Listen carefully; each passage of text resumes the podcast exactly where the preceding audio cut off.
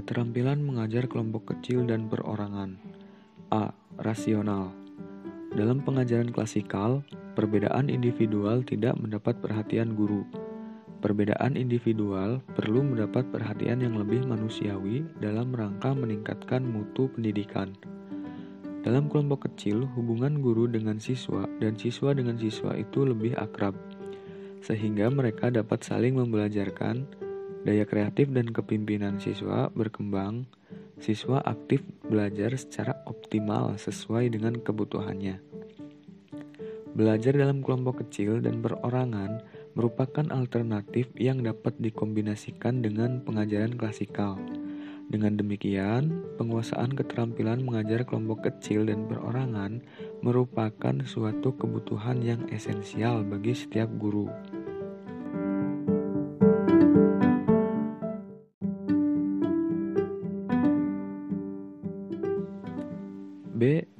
Pengertian keterampilan mengajar kelompok kecil dan perorangan.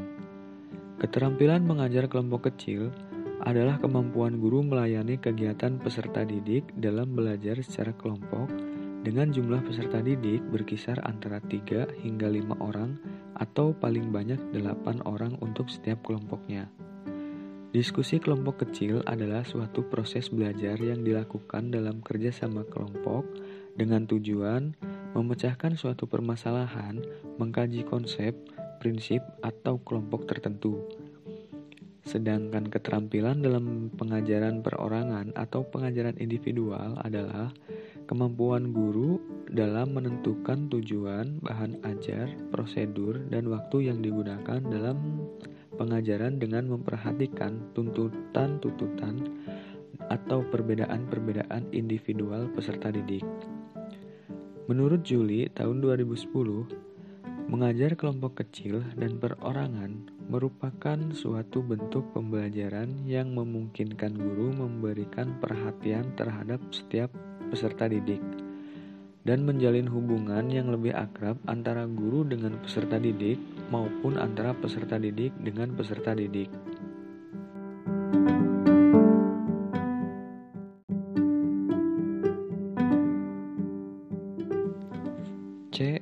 Ciri-ciri pengajaran kelompok kecil dan perorangan.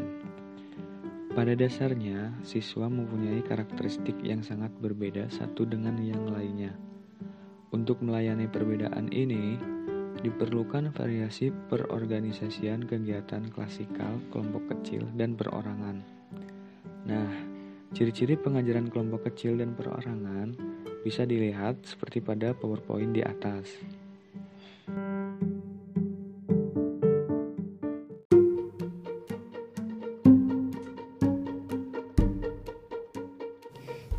Selanjutnya yaitu mengenai pola penggunaan pengajaran kelompok kecil dan perorangan dalam kelas.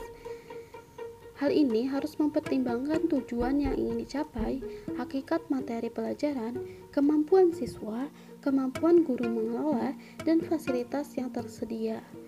Maka ada beberapa pola pengorganisasian yang bervariasi dalam melaksanakan pengajaran kelompok kecil dan perorangan. Antara lain, yang pertama yaitu model A.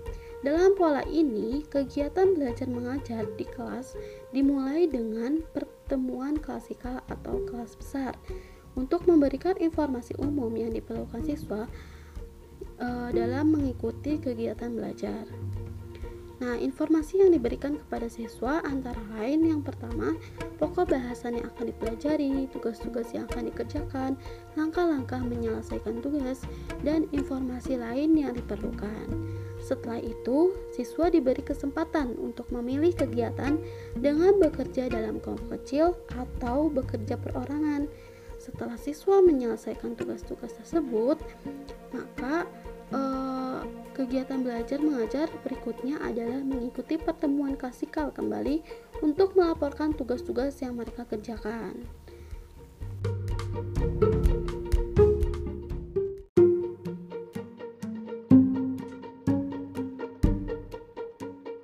Selanjutnya model B.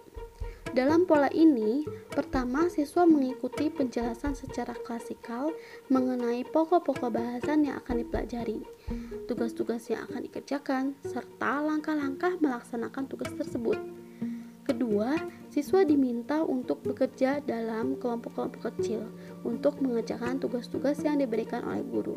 Kemudian, siswa diminta melaporkan hasil-hasil yang diperoleh dari pengetahuan dalam kelompok kecil dalam kelas besar atau laporan secara klasikal.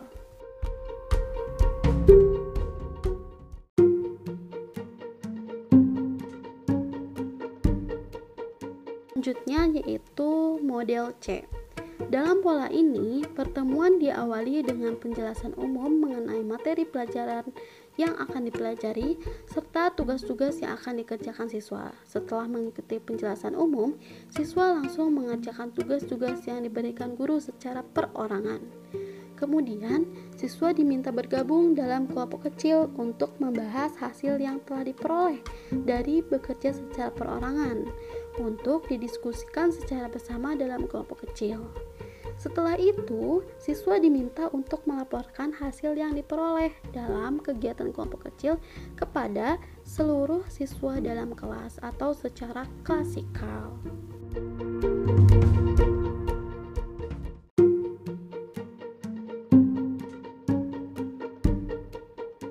Selanjutnya, model D.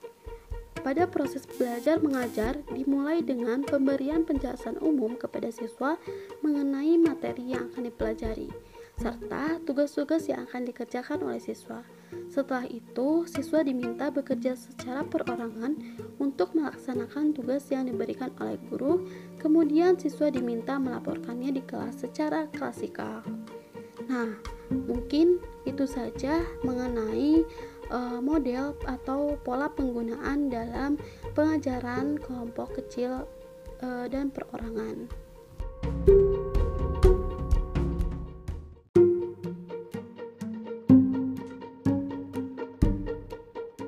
Baik, sekarang saya akan membahas mengenai peran guru dalam pengajaran kelompok kecil dan perorangan. Yang pertama yaitu guru sebagai organisator dalam kegiatan belajar mengajar. Tugas guru sebagai organisator dalam kegiatan pembelajaran ini yaitu menentukan dan mengarahkan bagaimana cara siswa melakukan kegiatan, mengatur lingkungan belajar, dan mengoptimalkan sumber belajar untuk mencapai tujuan pembelajaran. Selanjutnya, guru sebagai sumber informasi bagi siswa. Artinya, informasi yang disampaikan guru dapat berupa informasi mengenai langkah-langkah pelaksanaan tugas maupun informasi lain yang diperlukan siswa untuk mengajar kelompok kecil dan perorangan. Yang ketiga, guru sebagai pendorong siswa untuk belajar atau sebagai motivator. Nah, guru harus menciptakan kondisi kelas yang merangsang siswa untuk melakukan kegiatan belajar dalam kelompok kecil dan perorangan. Untuk menjadi motivator belajar, guru hendaknya mengetahui kebutuhan para siswa, menjalani hubungan baik dengan siswa, kaya akan berbagai bentuk dan jenis upaya untuk melakukan motivasi kepada siswa, memiliki perasaan humor yang positif dan normatif sehingga tetap disegani dan disenangi oleh siswa, dan menampilkan sosok kepribadian guru yang menjadi panutan siswa. Keempat, guru sebagai pendiagnosis pendiagnosis kesulitan siswa serta pemberi bantuan sesuai kebutuhan siswa.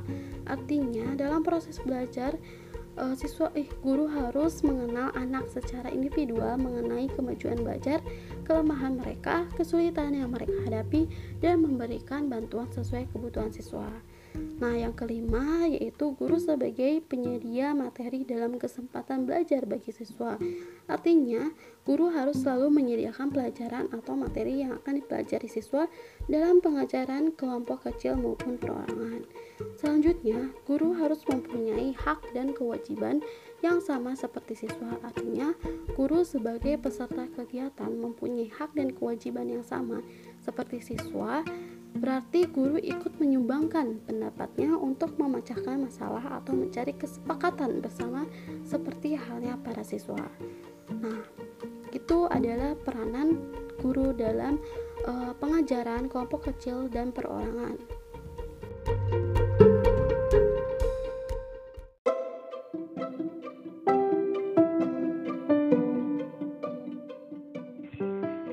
Materi selanjutnya yaitu mengenai komponen keterampilan mengajar kelompok kecil dan perorangan.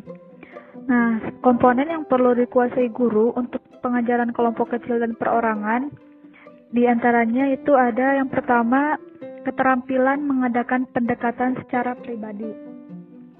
Nah, keterampilan ini itu melibatkan hubungan yang akrab antara guru dan siswa.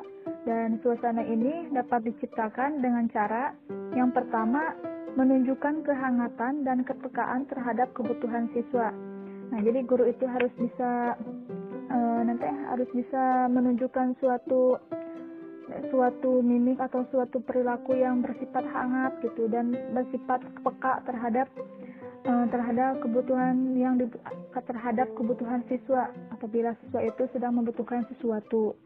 Dan selanjutnya memberikan respon positif terhadap pikiran siswa. Nah, guru itu harus bisa mempengaruhi uh, setiap pemikiran siswa. Jadi apabila guru itu tersebut sedang menyampaikan sesuatu suatu pelajaran dan uh, dan melibatkan siswa, nah siswa itu harus bisa memahami dengan cara memahami suatu apa yang disampaikan oleh guru tersebut bersifat positif gitu ke pemikirannya bersifat mempunyai suatu tanggapan yang positif. Jangan sampai uh, apa yang disampaikan guru, oleh guru itu siswanya malah uh, menerima suatu pemahaman itu yang menyimpang gitu yang bersifat negatif. Nah jikalau seperti itu guru itu harus bisa meluruskan pemahaman yang didapat oleh siswa tersebut. Dan dan uh, dan memperbaiki pemikiran yang salah tersebut gitu.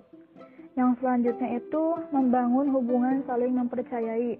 Nah untuk ini jelas ya, jadi uh, dalam pendekatan ini, dalam pendekatan secara pribadi ini, guru itu harus bisa mendekati siswa, harus bisa saling mempercayai satu sama lain, baik guru percaya terhadap siswa ataupun siswa percaya terhadap guru.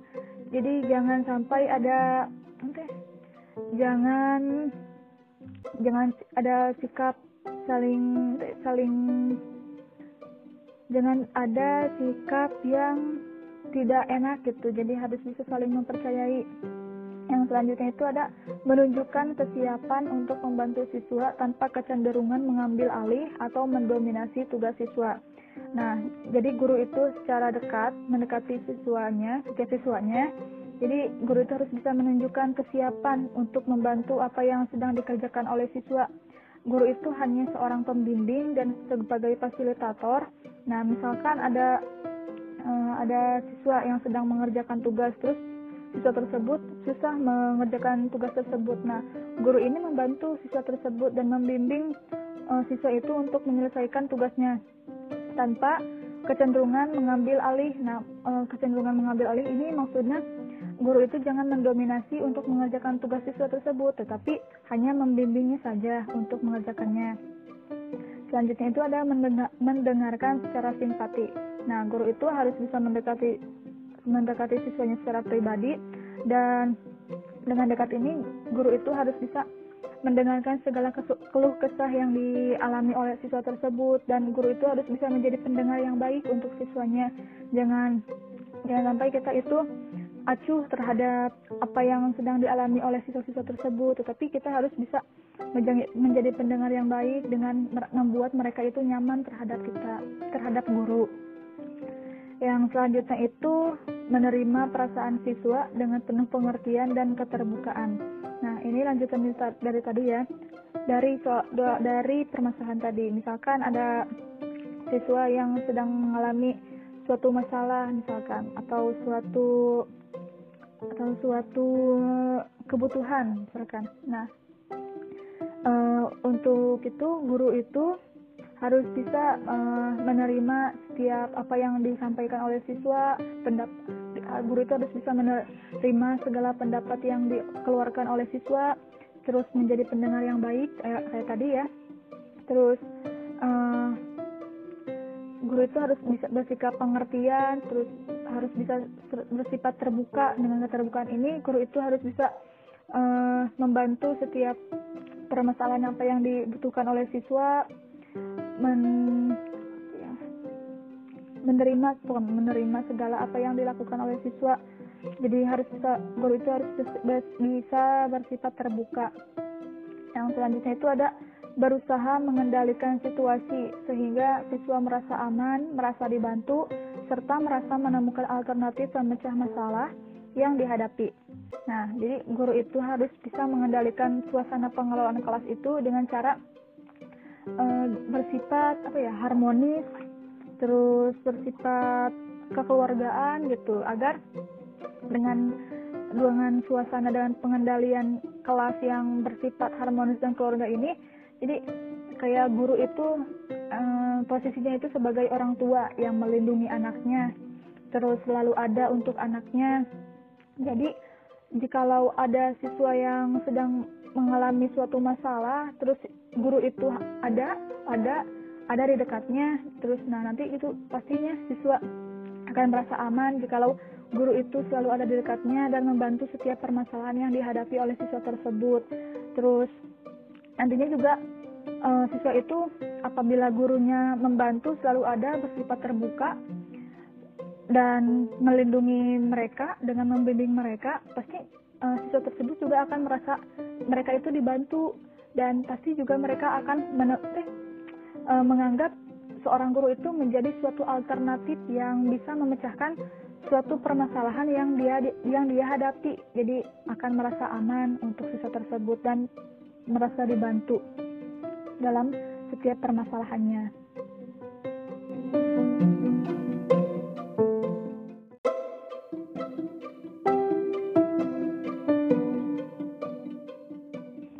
Yang kedua itu ada keterampilan mengorganisasikan kegiatan pembelajaran.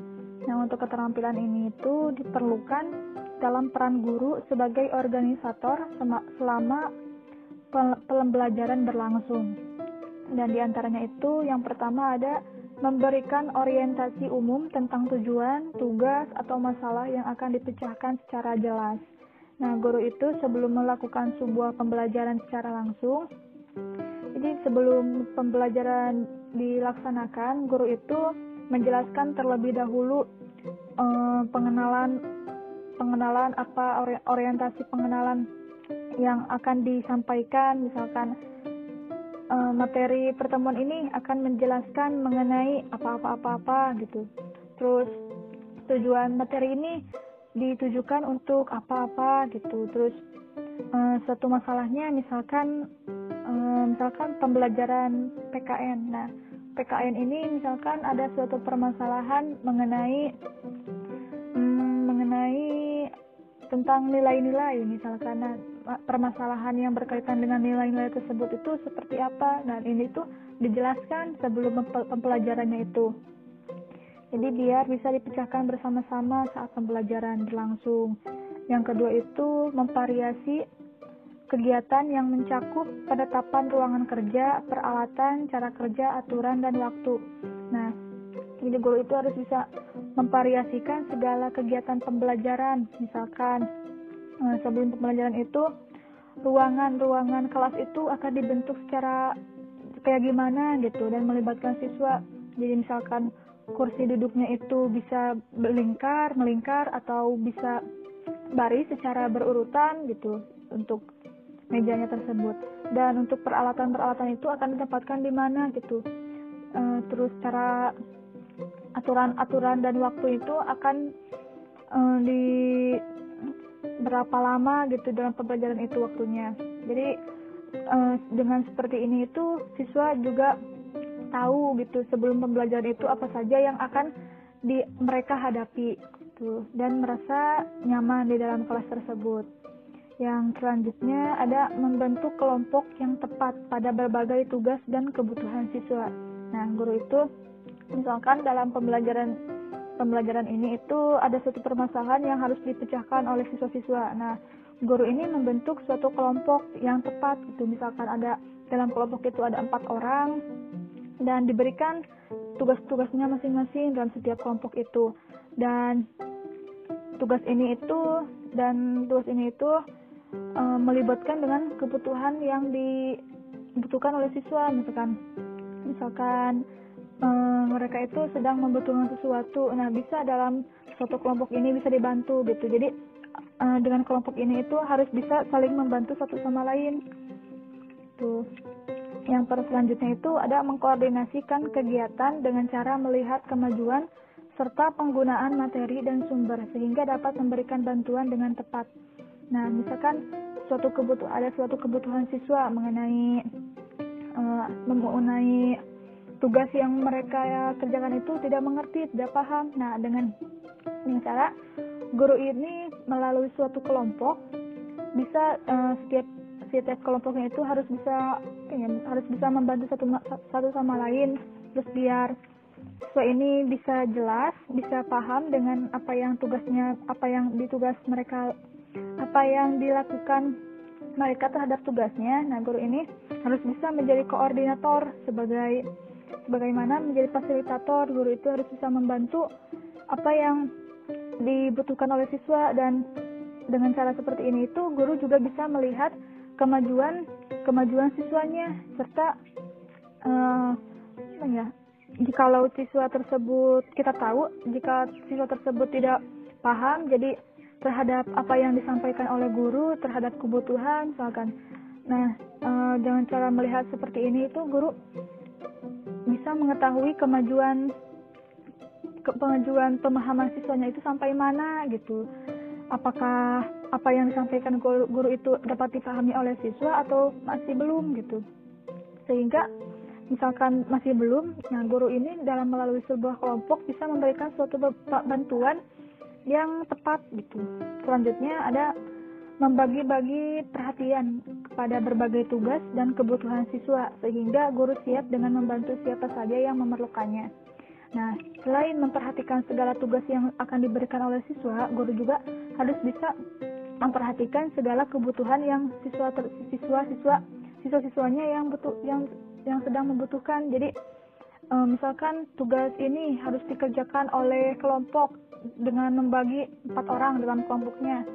Nah, nah siswa ini kan melalui sebuah kelompok apabila ada yang kurang paham, jadi bisa terbantu oleh oleh oleh oleh kelompok yang lain.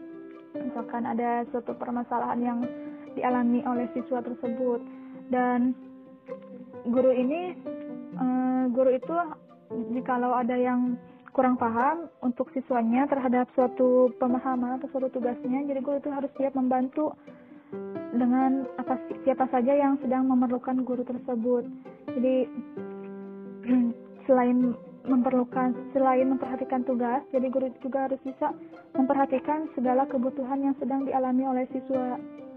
Yang terakhir itu mengakhiri kegiatan dengan suatu kulminasi yang dapat berupa laporan hasil dan kesimpulan dari kegiatan. Nah, jikalau suatu kegiatan pembelajaran berakhir, nah sebelum kegiatan belajar di akhir, guru itu harus bisa mengevaluasi atau bisa menilai terlebih dahulu suatu kayak suatu kesimpulan, suatu kesimpulan yang sudah dilakukan selama kegiatan pembelajaran. Misalkan uh, jadi guru itu harus bisa menyimpulkan atau bisa mengakhiri suatu pembelajaran itu dengan mengevaluasi terlebih dahulu. Jadi melaporkan hasil dari kegiatan pembelajaran yang ini seperti apa gitu sebelum ditutup pembelajaran ini. Jadi laporkan hasil dari kegiatan pembelajaran tersebut kepada siswanya jadi bisa untuk apabila ada yang masih kurang jadi untuk pertemuan selanjutnya bisa diperbaiki lagi gitu dengan cara ini jadi guru itu harus bisa uh, mengasih tahu terhadap laporan hasil kegiatan yang sudah dilakukan.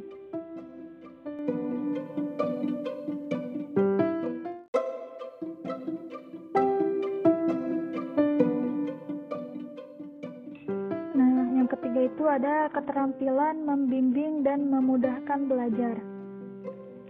Nah, eh, keterampilan ini itu diperlukan untuk membantu siswa maju tanpa mengalami frustasi. Adapun beberapa keterampilan yang menunjang ini adalah yang pertama ada memberikan penguatan. Nah, nah jadi seorang guru itu harus bisa memberikan suatu penguatan terhadap apa yang sudah dilakukan oleh siswa. Misalkan siswa A misalkan sudah mem, sudah mengerjakan tugas dengan baik. Nah, guru itu harus bisa memberikan penguatan yang positif misalkan, "Ah, kamu tugasnya sangat baik. Bisa diketekankan lagi ya untuk ke depannya." Nah, jadi untuk penguatan seperti ini itu guru eh siswa akan termotivasi dengan pujian yang sudah dilontarkan oleh guru.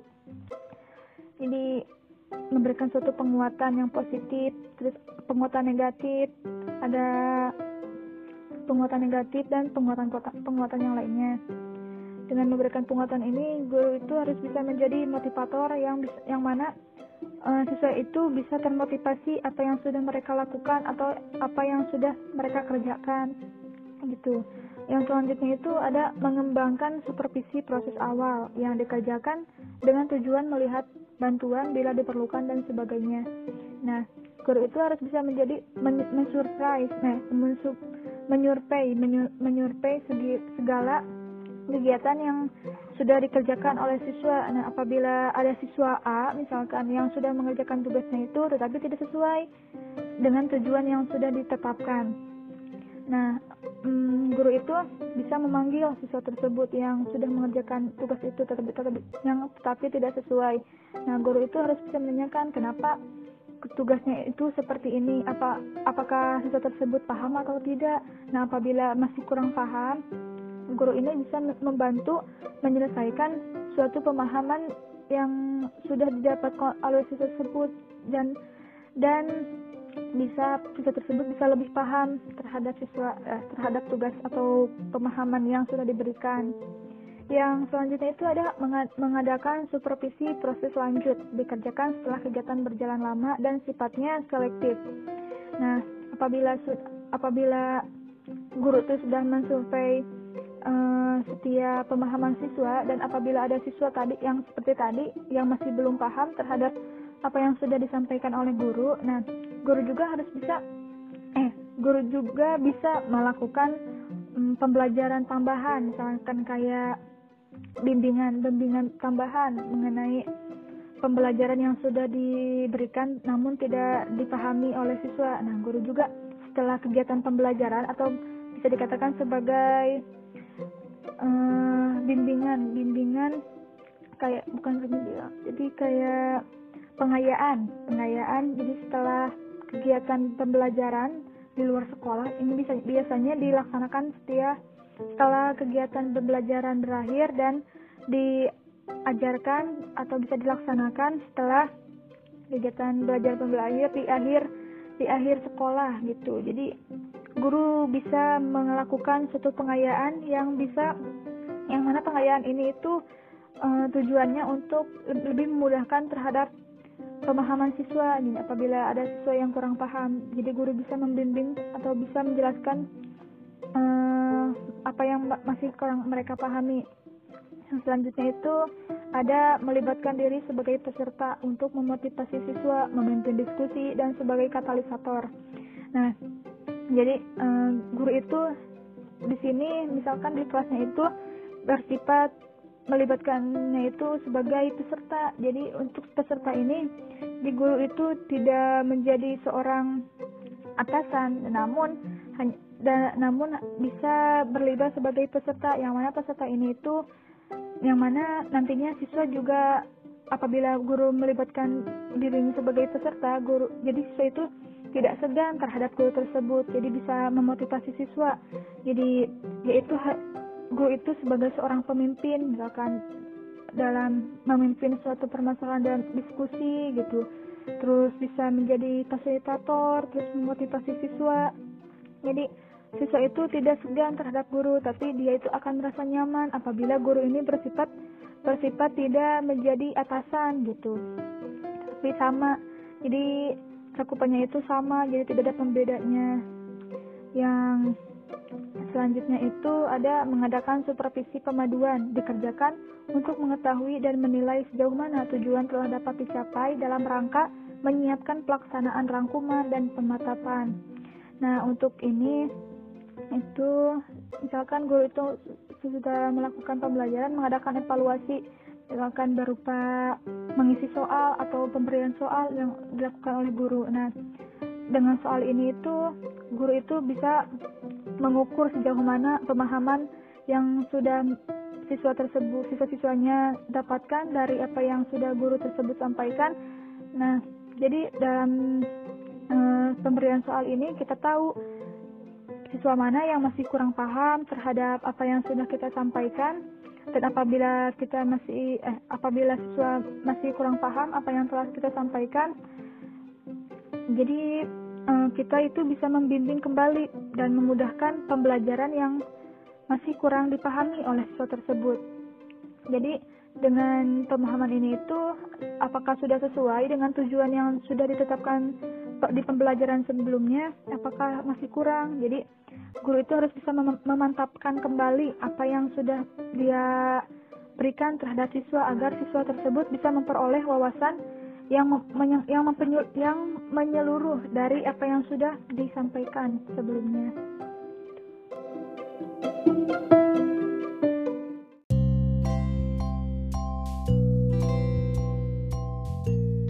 Baik, di sini saya akan memaparkan prinsip-prinsip mengajar kelompok kecil dan perorangan serta kelebihan dan kelemahannya.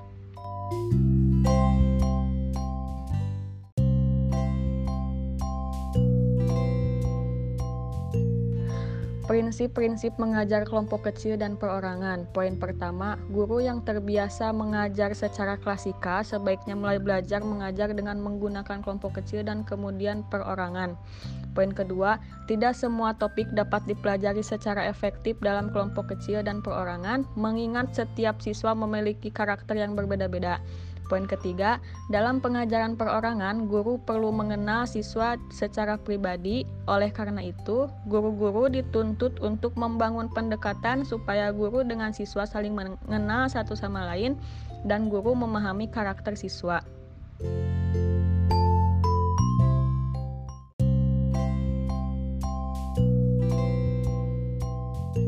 Poin keempat, supaya siswa dapat mudah memahami atau mencerna materi, laksanakan diskusi dalam suasana yang menyenangkan. Poin kelima, berikan waktu yang cukup untuk merumuskan dan menjawab permasalahan. Poin keenam, rencanakan diskusi kelompok dengan sistematis. Ketujuh, bimbinglah dan jadikanlah diri guru sebagai teman dalam diskusi.